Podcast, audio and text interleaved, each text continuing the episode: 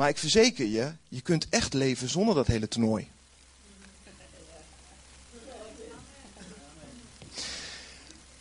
Als we kijken naar hoe God, hoe de Heer Jezus overwinning behaalde en het strijdtoneel waar hij dat deed, is het heel belangrijk dat we met een grotere bril kijken dan wij hebben soms.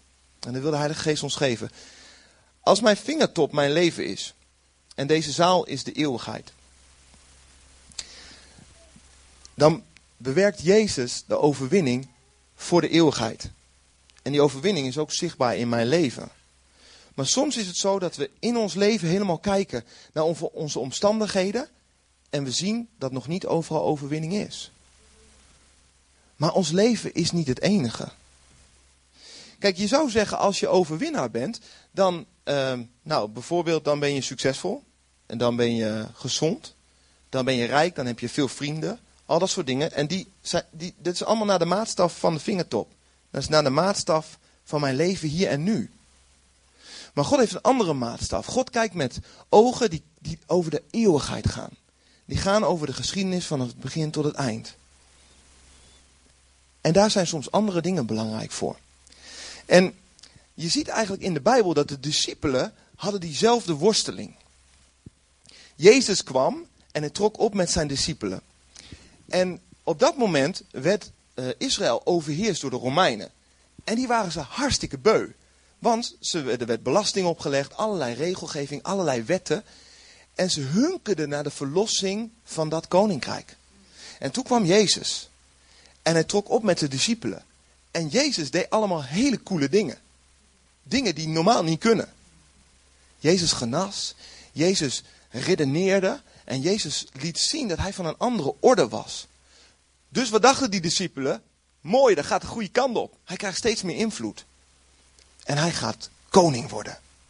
En dat zie je in Lucas 19 gebeuren. Je hebt net, net zijn ze bij Zacchaeus geweest. Die is uit de boom gekomen. En daarna zie je even zo'n gedachte. In één versje staat, terwijl zij nu dit alles hoorden, sprak hij een gelijkenis uit, die eraan toevoegde omdat hij dicht bij Jeruzalem was, en zij dachten dat het koninkrijk van God onmiddellijk zou aanbreken. En daarna gaat Jezus praten over de talenten. Maar het gaat even om dat wat zij dachten. Heel subtiel, staat even tussendoor. De discipelen die kwamen aan, die dachten, het is voor hier en nu. Jezus gaat nu koning worden. En dat kan makkelijk, want zijn achterban wordt steeds groter. En met de wonderen die hij doet, komen we er wel.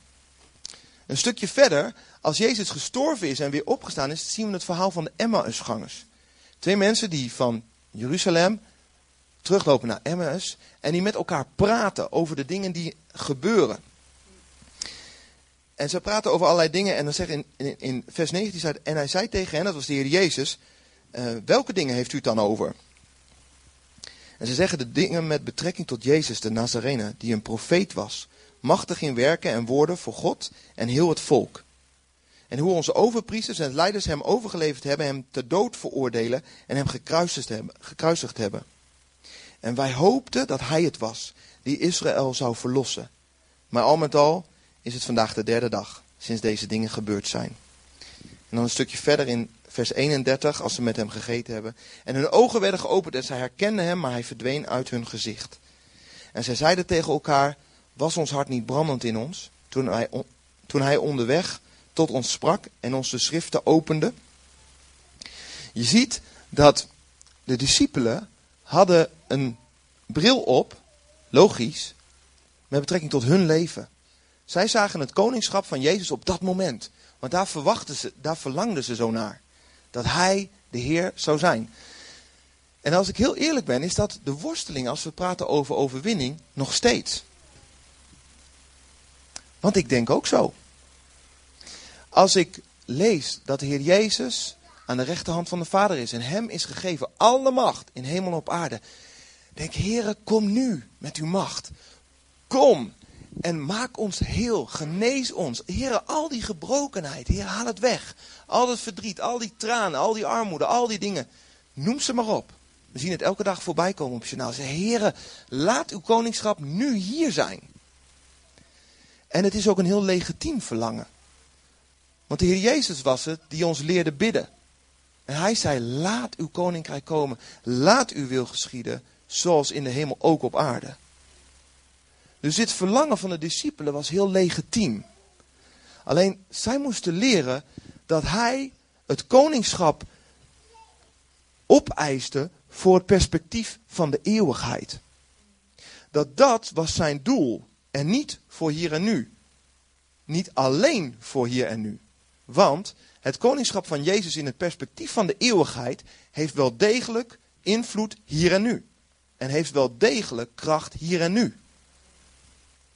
Maar is zijn koningschap hier en nu al zoals het in eeuwigheid zal zijn? Nee. Maar het breekt wel door met kracht hier. Vandaar dat het niet altijd een makkelijk onderwerp is. De discipelen worstelen er ook al mee. Jezus maakt ons overwinnaars op het strijdtoneel van de eeuwigheid. Hij heeft bevrijd ons van de slavernij, van de zonde. Zodat wij voor altijd bij God kunnen komen. Maar niet alleen op het eeuwige strijdtoneel, want doordat Hij met zijn genade ons bevrijdde van de slavernij van de zonde, is er hier en nu kracht om daarvan bevrijd te zijn. Ik wil Michael vragen, kom bij me. Michael, die, ja, geef hem een warm applaus jongens, dit is echt top.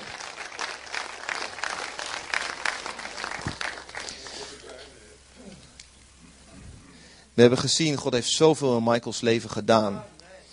En uh, uit dankbaarheid wil Michael vertellen, verkondigen de grote daden Gods. En deze daden zullen ons bemoedigen om te zien dat het hier en nu mogelijk is. Om Gods kracht te zien in je leven.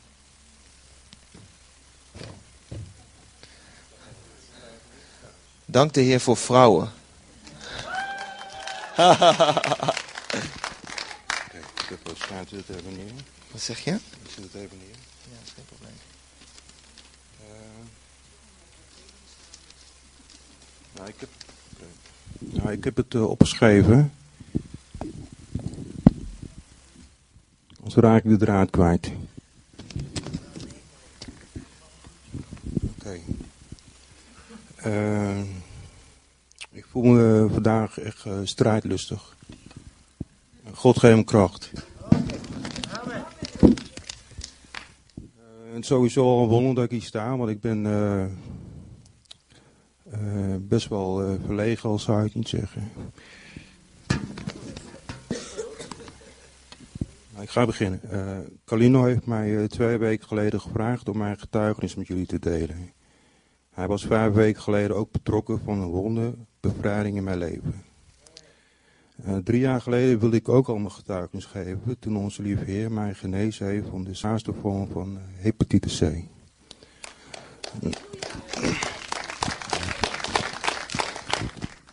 die hepatitis C uh, heb ik opgelopen in mijn verslavingstijd. ik heb een maandje geëxperimenteerd met spuiten. En ik denk dat ik daar een, een besmette lepel heb gebruikt. Maar dat maakt weer niet uit, ik ben ervan genezen. Oké, okay, uh, Jin, uh, de twaalfgroep hebben voor mij gebeden. En uh, Arie en Tanja zijn bij me thuis gekomen. En hebben in gebed mij met olie gezoogd. En na twee weken was het virus niet meer te traceren. Oké. Ik had destijds niet de vrijmoedigheid om mijn getuigenis voor de gemeente te geven. Omdat ik toch nog gebonden was aan het een en ander. Nou, dit is mijn kans om God uh, te verheerlijken. Nou, voor mij is het heel wat om voor de hele gemeente te, dat te doen. En ik heb me daarom ook afgevraagd, waarom is het voor mij nou zo moeilijk om voor een menigte te spreken? Uh, mijn getuigenis aan een kleine groep of persoonlijk heb ik geen moeite mee. Dat gaat me wel goed af. Nou, afgelopen week ben ik erachter gekomen dat ik, die moeite heb doordat ik als kind erg heb gestotterd. En dat spreekbeurten op school een uh, regelrechte ramp voor mij waren. De hele klas lag in een deuk en ik kreeg van mijn leraar voor de moeite een vijf en een half. Nou, dat is een hele hoge cijfer voor die paar woorden die ik eruit wist te persen. Nou, dat was genade. Ik had het niet verdiend. Als je denkt, waarom uh, praat hij zo monotoon en met spaatjes, kunt u nu reden. Nou, ik, ik had mij voorgenomen dat ik niet zonder hulp van de Heilige Geest mijn getuiging zou geven. In Jezus ben ik overwinnaar en de Geest komt mijn zwakheid te hulp. En daar sta ik op. Nou, in november ben ik door gebed in een gemeente bevrijd van mijn nicotineverslaving. Daar ben ik de Heer Jezus, Vincent en natuurlijk ook de gemeente eh, erg dankbaar voor. Nou, de periode in deze wonder heeft God mij geopenbaard dat ik door genade ben bevrijd. En dat ik gekocht en betaald ben door het offer van Jezus. Nou, dat ik gratis en voor niets van mijn verslaving ben afgekomen. Geen dure pleisters of andere manieren om van het roken af te komen. Die allemaal geld kosten. Maar mijn bevrijding en verlossing is wel duur betaald door het grote offer van onze Heer Jezus. Nou, als mensen tegen mij zeggen dat het zo knap vinden dat ik van rook ben, zeg ik dat het niet mijn verdienste is. Want voor mezelf ben ik zwak. Nou, na het stoppen met roken wil ik meer terrein winnen voor de Heer in mijn leven. En zo ook voor mijn vrouw en kinderen. In maart ben ik met een goede vriend van mij naar een mannenconferentie geweest in Aalsmeer. Uh, even bij zeg, ik ben geen uh, conferentiefreak, maar uh, ik raad conferenties wel aan. Omdat ik denk dat onze vader weet dat zijn kinderen het best zwaar kunnen hebben. En dat hij tijdens dit samenkomsten ons cadeautjes wil geven in de vorm van bevrijdingen, genezingen en bemoedigingen. En ik denk persoonlijk ook dat uh, mensen met uh, geloof en verwachting naar hen toe gaan. En zo moet ze eigenlijk ook naar elke dienst gaan. Op die dag had je de keuze om naar een seminar te gaan over druk, druk, druk. Of naar een seminar over seksualiteit. Nou, mijn vriend, en ik hebben beide voor het laatst gekozen. En de spreker lokte de mannen nog met: Als je goede seks met je vrouw wil, moet je naar mij toe gaan. Nou, daar had ik wel oren naar. Oké. Nou, tot nu toe gaat het goed.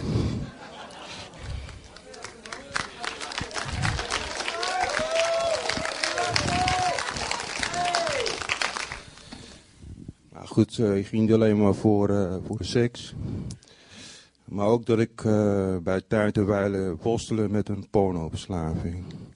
En dat is een vreselijke verslaving waar je door schaamte in isolement raakt. En dat is nou net waar het duizendje wil hebben.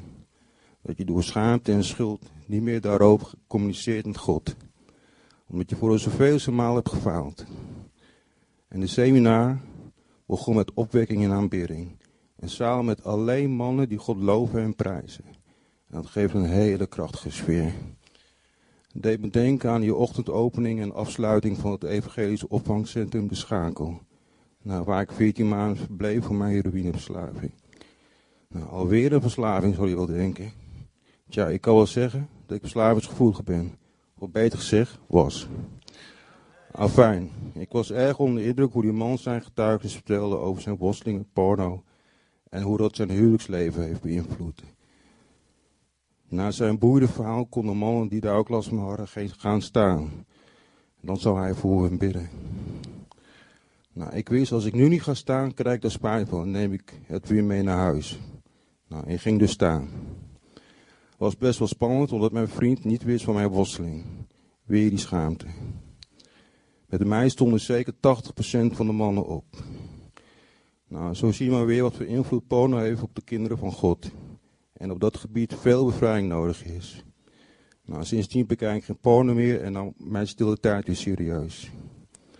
En in Johannes 15, uh, vers 3 staat: uh, Gij zijt nu rein om het woord. Dat ik tot u gesproken heb. Blijf in mij, gelijk ik in u. Nou, ik bid en hoop en geloof dat ook in onze gemeente kinderen van God door gebed bevrijd en genezen kunnen worden.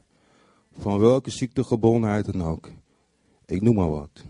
Facebook, je smartphone, televisie, vissen.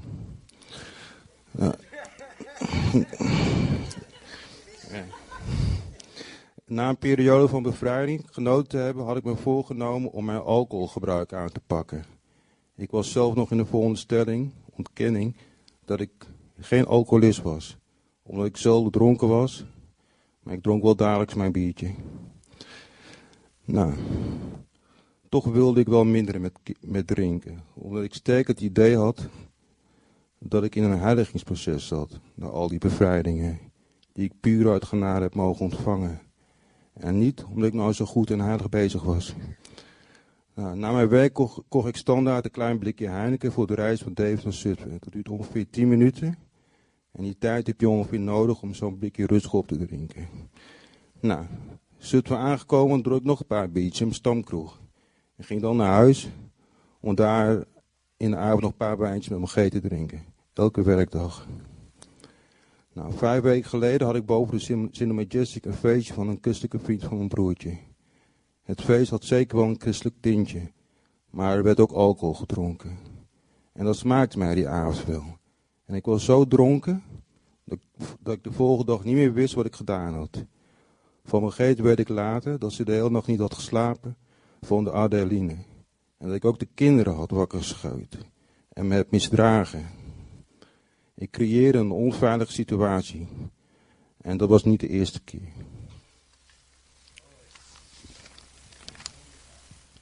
Nou, de volgende morgen werd ik alleen wakker met een flinke kater. En ik kon me bijna niets meer herinneren wat die nacht had afgespeeld. Mijn geet en de kinderen waren al in de kerk. God had deze nacht mijn geet het vertrouwen gegeven dat het een nacht van doorbraak zou worden. Nou, mijn geet kon in de kerk niet, niet meer opbrengen om ze voor, voor de kinderen groot te houden en brak in tranen uit. Ze werd opgevangen door Marion, Arie en Calino. Die zijn voor mij gaan bidden. Achteraf gezien hebben ze mij wakker gebeden. De, tijd dat zij stopte met bidden, werd ik wakker. Het eerste wat ik deed was een stekenbal koffie zetten en een tv aanzetten. Op tv was een kerkdienst en ik dacht, ik ga thuis kerkje houden. Maar tijdens de dienst dacht ik, ik hoor in mijn eigen kerk te zijn. En friste me een beetje op en stapte nog onder invloed op een fiets. Onderweg dacht ik nog zo, ik ga niet minderen met alcohol. Ik drink geen druppel meer. En zo dacht God er ook over. Wel belangrijk hoe de dag verder verliep. In de kerk stond ik achteraan te kijken waar mijn geet zat. Even later liep ze langs me heen om naar het toilet te gaan. Ik zag aan haar ogen dat ze gehuild had. Ik begroette haar en ze beantwoordde mijn groet alsof ik een vreemde vrouw was. Nou, daar werd ik erg onzeker van. Nou, op de gang wachtte ik haar op om te vragen wat er die vannacht is gebeurd. Ze zei me alleen dat ik een keus moest maken. Nou, die had ik onderweg al gemaakt, maar werd daar nu in bevestigd. Oké, okay, maar Gert ging op haar plek zitten, vooraan bij het podium, was daar ergens. Even kijken. En ik ging bij haar zitten en ik hield haar hand vast. En Brian preekte die uh, morgen. Het was een hele goede preek. Tenminste, wat ik van mee kon krijgen. Want hij spookte van alles door mijn hoofd. Ondertussen was de Heilige Geest bezig mijn hart open te stellen voor zijn geest. En Brian deed een oproep voor een gebed en ik kon niet wachten om mij te laten bidden. Ik zag dat Arie bij het gebedsteam hoorde en vroeg of hij voor mij wilde bidden. Wilde hij wel, maar ik moest wachten tot de dienst voorbij was. Hij wilde wat meer tijd voor uittrekken. Na ongeduldig liep ik naar achter en sprak Maria aan. Dat ik met mijn hart een keuze had gemaakt om te stoppen met alcohol. Met dat ik dat zei, brak ik in tranen uit. Wat later, wat later sprak ik Tino en vertelde wat er nu speelde. En ik kon mijn tranen weer niet dwingen. Wat ik normaal gesproken uit trots wel doe.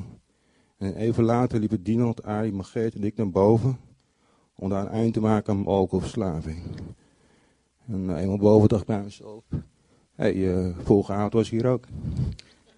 Het ging nog lekker los. Het alcohol. Maar goed, uh,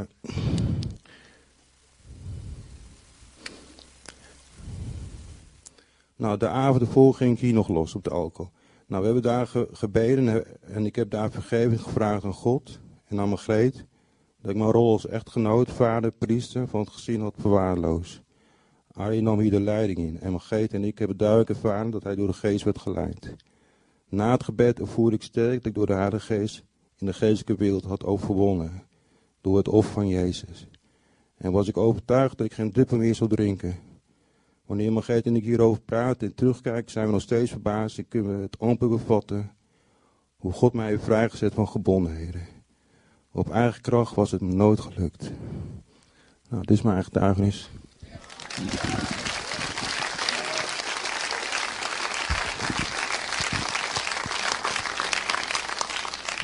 Wat een overwinning, hè? Ongelooflijk. Ja, ik vind het ook ongelooflijk. En hij preekt ook goed, vind je niet? nee. Ik wel. Met, met, met humor en diepte. Jongens, dit is wat God doet in ons midden. Ja? God veroordeelt ons niet. God ziet ons hartsverlangen. En hij komt ons tegemoet. En keus na keus na keus na keus. En bevrijding na bevrijding. Dit is wat God doet in ons midden. En de dingen die in hem gebeurd zijn, hebben eeuwigheidswaarde. Ja? Oké, ga lekker zitten. Is voor iedereen weggelegd. Want al wat uit God geboren is, overwint de wereld. En dit is de overwinning die de wereld overwonnen heeft: ons geloof. In geloof uitgestrekt. Dat God niet zou afwijzen, maar dat hij zou aannemen. Wie anders is het die de wereld overwint dan hij die gelooft dat Jezus de Zoon van God is? Het getuigenis van Michael heb je ook gezien. Vechten uit eigen kracht maakt je zo moe. Maar Jezus breekt de cirkel van schaamte en de cirkel van zonde en ellende door zijn genade. Hij zegt, kom bij mij. Het is zo mooi dat um, de Heilige Geest ziet het hartsverlangen al in jou. Je haalde het ook aan, was heel mooi. Dat um, de Geest voor ons pleit.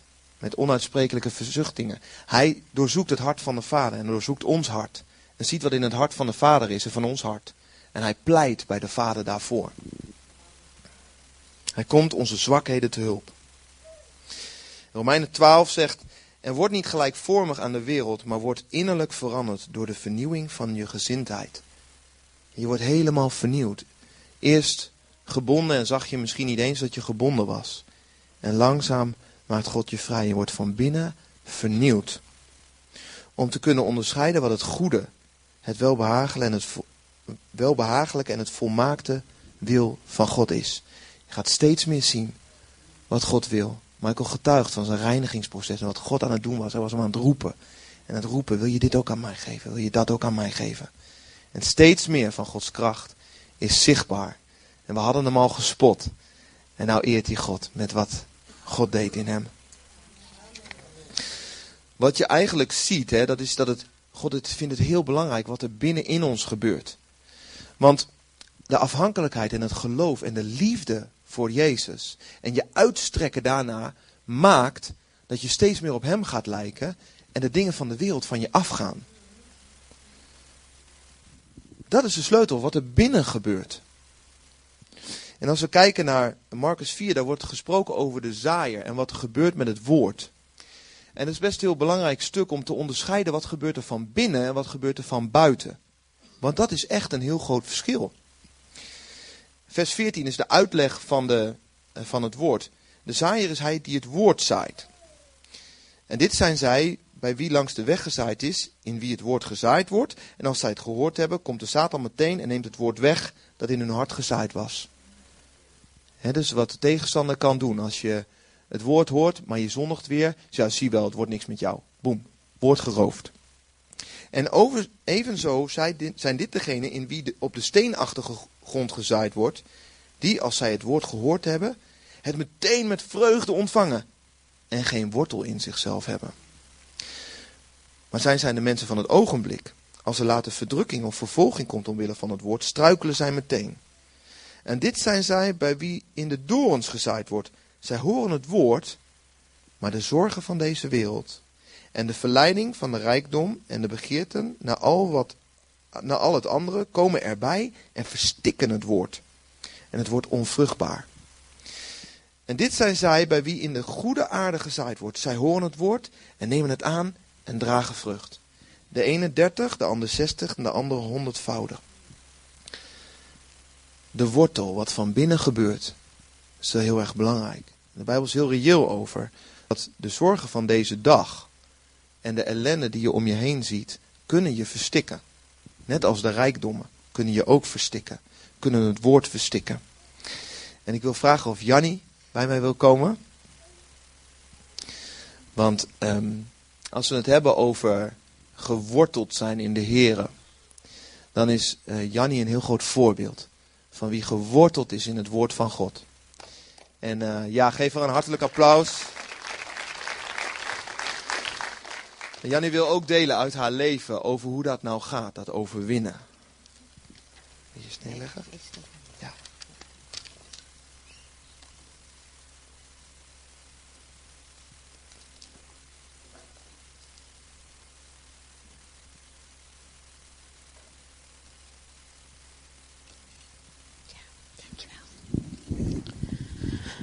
Ik ben heel dankbaar dat ik hier mag staan. Het is een uh, heel verschil met uh, december, januari. Dat ik uh, in januari in het ziekenhuis terecht kwam. van de ene op de andere dag. En geconfronteerd werd met een ernstige ziekte. Die ja, toch wel heel ingrijpend was. En ook veel verandering in mijn leven teweeg zou brengen. En ik ben ongelooflijk blij met jullie. Allemaal met jullie gebeden. Want dat was zo merkbaar. En ik heb me steeds bedacht van hoe, God, hoe blij God wel met ons moet zijn. Als ik blij met jullie kan zijn. He, dat er ruimte genoeg in mijn hart is voor jullie allemaal. Dat er ruimte is van God voor al zijn kinderen die hij geschapen heeft. En ehm, dat er een, een, liefdesband mogelijk is die zo bijzonder is. Dat, ehm, eh, dat je hart groot genoeg is, ruim genoeg is om eh, te delen wat je hebt ontvangen. En uh, nou, ik heb mogen ervaren in mijn ziekenhuisperiode. Ik heb bijna vijf weken in het ziekenhuis gelegen. Dat um, de broeders en zusters die op bezoek kwamen, dat dat één grote zegen is geweest. En dat je zeer bevoorrecht bent als je zo'n bezoek krijgt. En bezoek wat met, komt met inhoud. Inhoud van God. Hè, die uh, getuigenis is voor de zaal. Dat, dat is zo belangrijk. Dat er gezien wordt wie God in ons leven is. En wie Jezus in ons leven is. En wat Hij doet en uh, op een gegeven moment, uh, toen er sprake van was dat mijn tenen eventueel eraf zouden moeten, zouden moeten want ik had diabetes, heb ik type 2, ehm, dat, dat we gingen bidden met elkaar en proclameren. De teen gaat er niet af in Jezus' naam. Die blijft eraan. In Jezus' naam. Of, en dat is gebeurd. Het is helemaal geheeld. En ehm, uh, het, het, eh, ja, het is zo ongelooflijk belangrijk dat als, als ik niet meer kon bidden, dat de mensen voor mij konden bidden. En dat ik wist dat het woord van God in hun mond was en dat het op de zaal klonk en dat het steeds in mijn hart klonk. Van uh, Psalm 103 was een van de eerste psalmen, maar ook een van de eerste dingen die ik ontving als een cadeautje. Cadeautje van God. Een psalm van David, ik zal enkele versen voorlezen. Met hart en ziel wil ik de Heere prijzen en zijn heilige naam loven. Mijn ziel prijst de Heere en vergeet vooral nooit wat hij allemaal voor goeds heeft gedaan. Hij vergeeft mij al mijn zonden en, en geneest mij van al mijn ziekten. Hij heeft mij aan het leven, hij geeft mij aan het leven terug.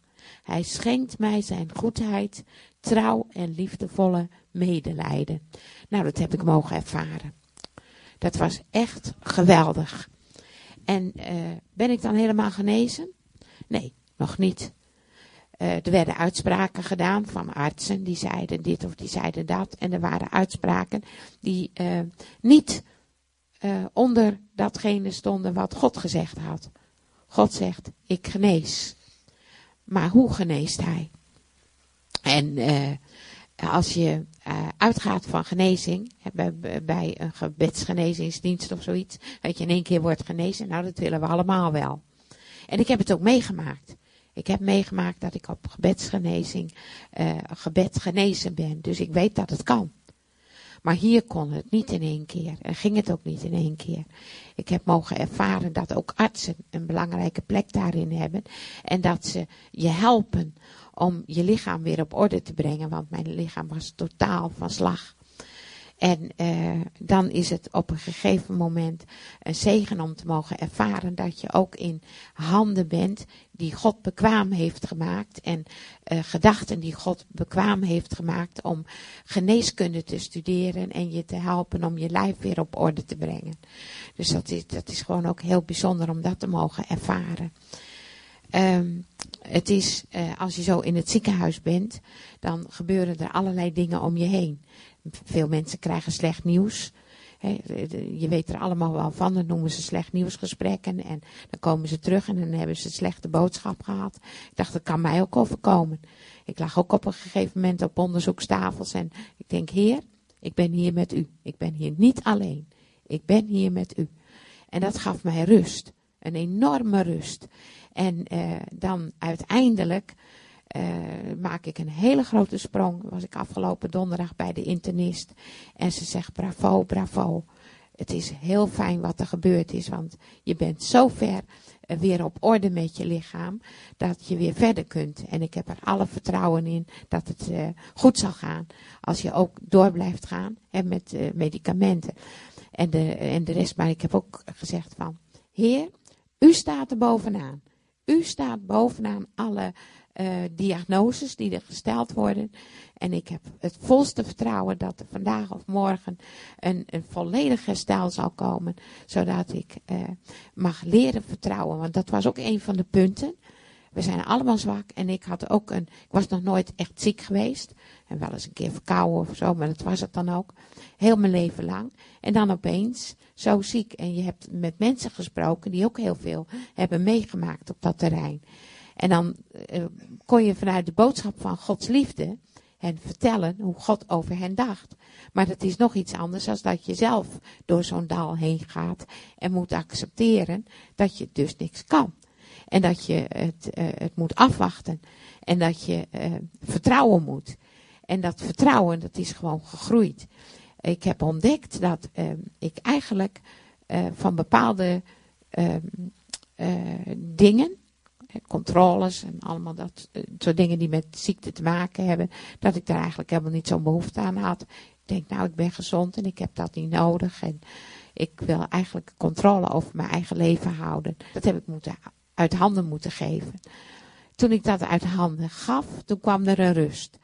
En de humor van het geval is, ik heb, uh, nou, ik mag wel zeggen, bijna mijn hele leven op nagels gebeten.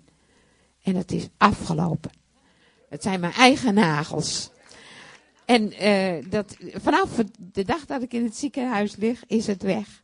Dus eh, ik, ik ben daar heel dankbaar voor, want ik heb het altijd ervaren als een inbreuk op mijn, dat ik mijn eigen lichaam aan het kapotmaken was. En ik kwam er maar niet achter van waar ligt dat nou toch aan?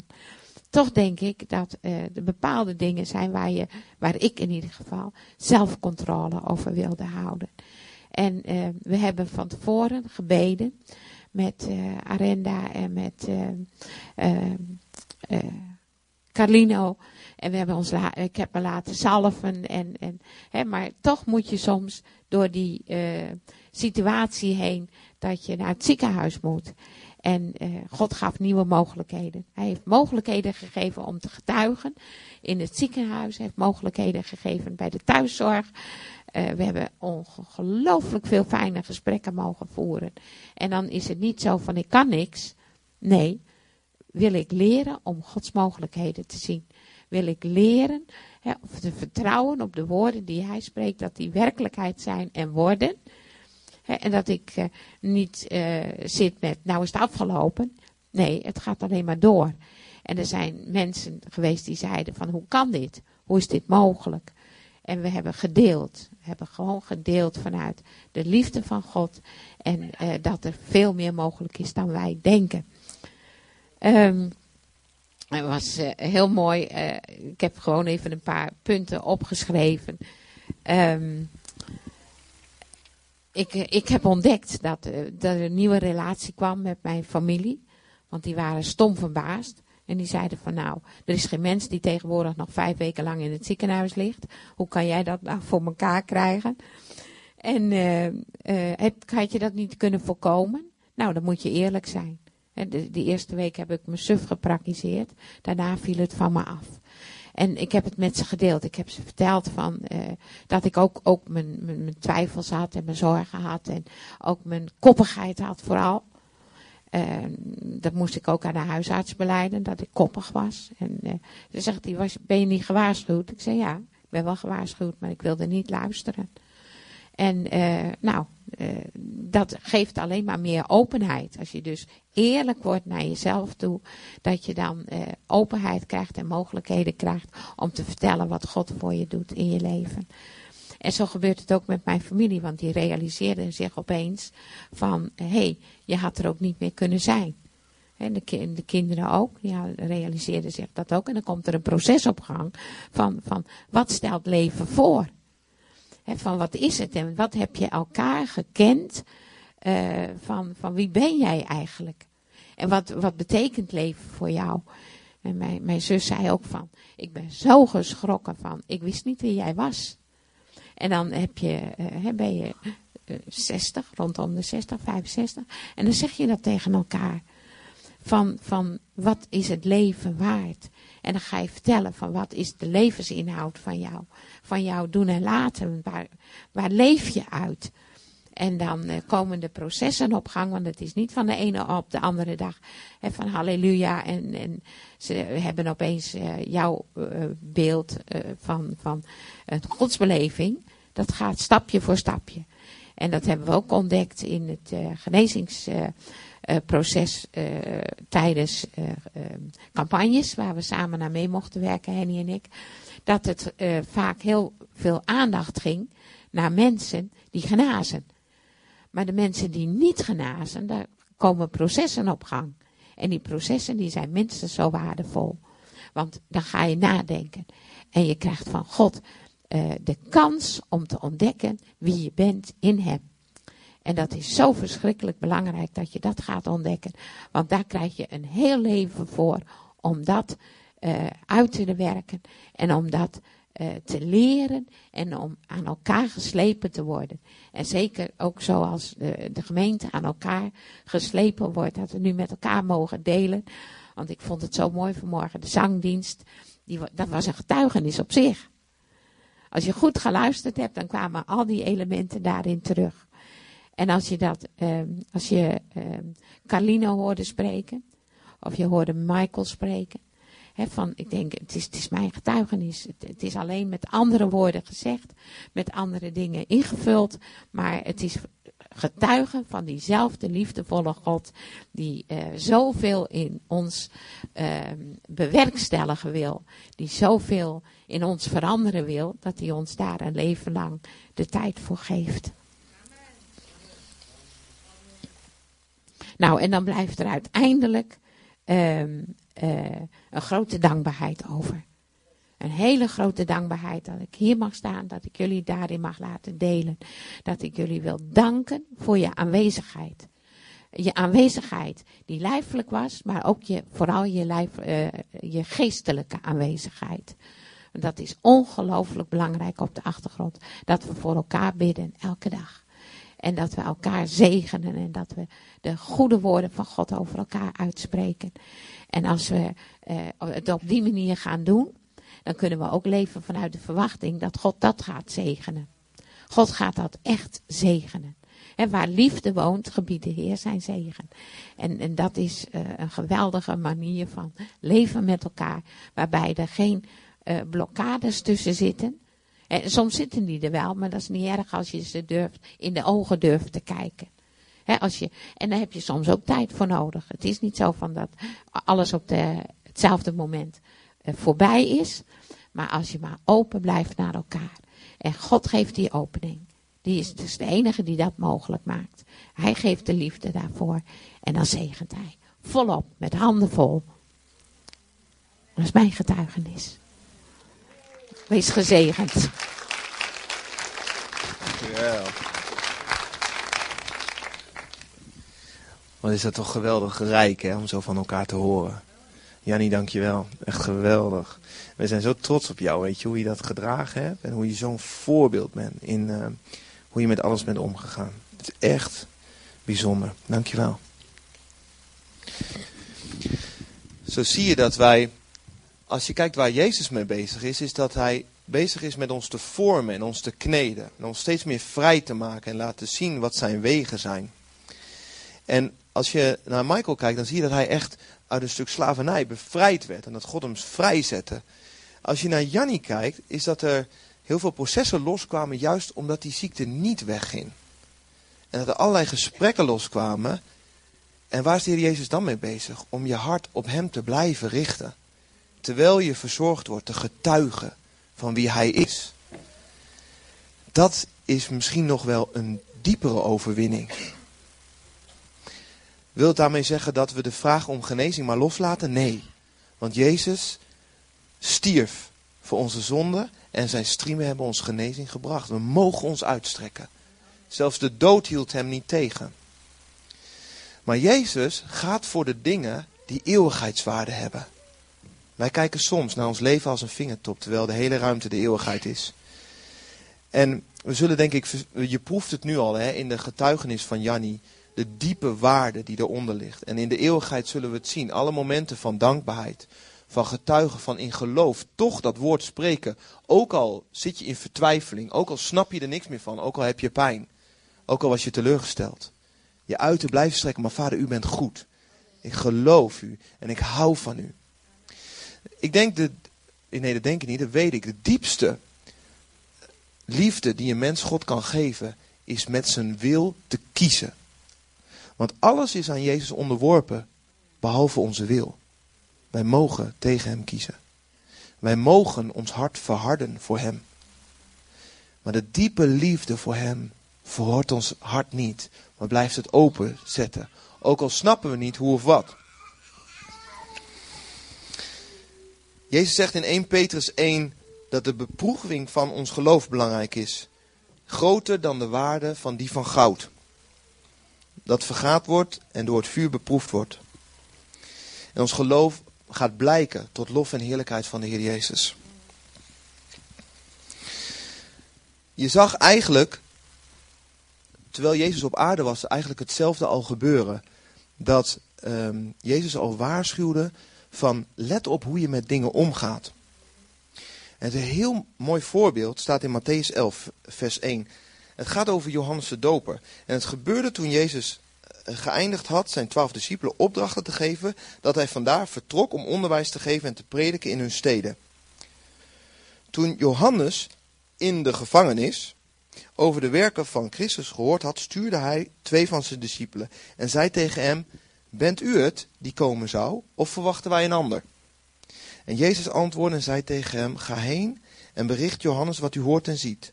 Blinden worden ziende, kreupelen kunnen lopen, melaatsen worden gereinigd en doven kunnen horen, doden worden opgeruimd en aan armen wordt het evangelie verkondigd. En zalig is hij die aan mij geen aanstoot neemt. Als je dan die laatste zin leest, denk je, wat staat die zin daar raar? Weet je wel, wonderteken, wonderteken, doden, geen probleem allemaal en neem geen aanstoot aan mij. Ja, waarom zou ik? Alles wordt genezen. Waarom zou ik aanstoot nemen? Maar als je nou kijkt wat hier in dit korte stukje wordt gezegd. Johannes, die alleen maar heeft gezegd. Kijk naar Jezus, kijk naar Jezus, kijk naar Jezus. Ik wijs op hem. Hij is de koning. Hij gaat het maken. Zit in de gevangenis. Ja? En dan komt die Jezus en dan laat hij zien wat er gebeurt. En dan is het alles waar je maar altijd van droomt. Maar je zit wel in de gevangenis. En Jezus zegt, neem geen aanstoot aan mij. Johannes de Doper wist wat Jezus kon. En het werd bevestigd. Maar hij zat wel in een gevangenis. Jezus zegt, bewaar je hart. Neem geen aanstoot. Blijf mij geloven. Dat teken is misschien wel groter. Dat teken van liefde.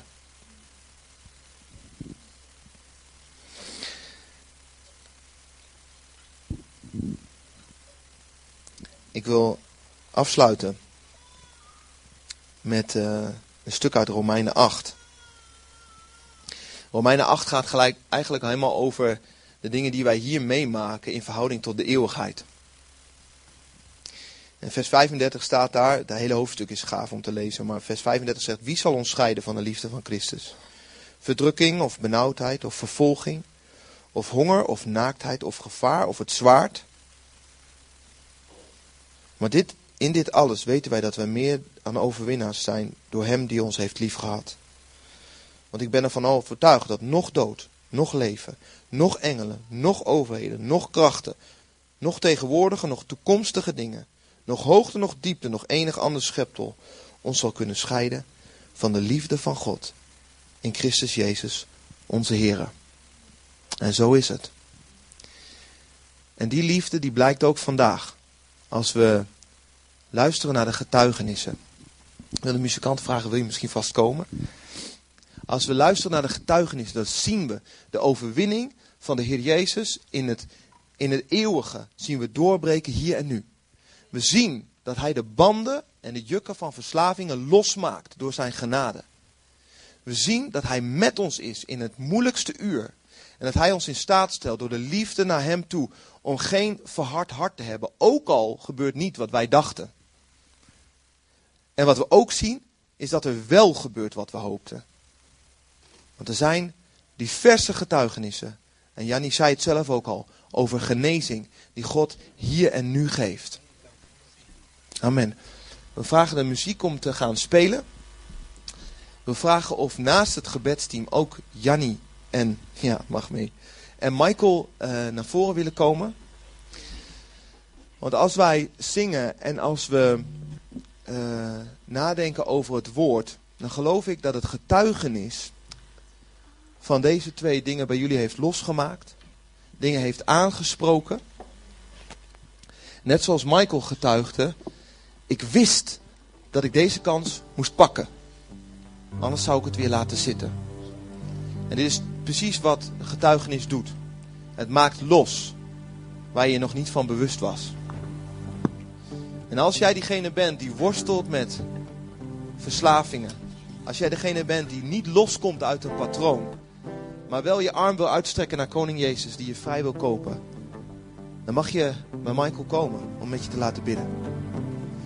Als jij degene bent die zegt van ik, ik worstel zo met de omstandigheden waar ik in zit, maar ik wil overwinnen. Ik wil mijn hart zuiver houden en ik wil me uitstrekken om een liefdesband met Jezus niet te verliezen vanwege de omstandigheden die zo heftig zijn.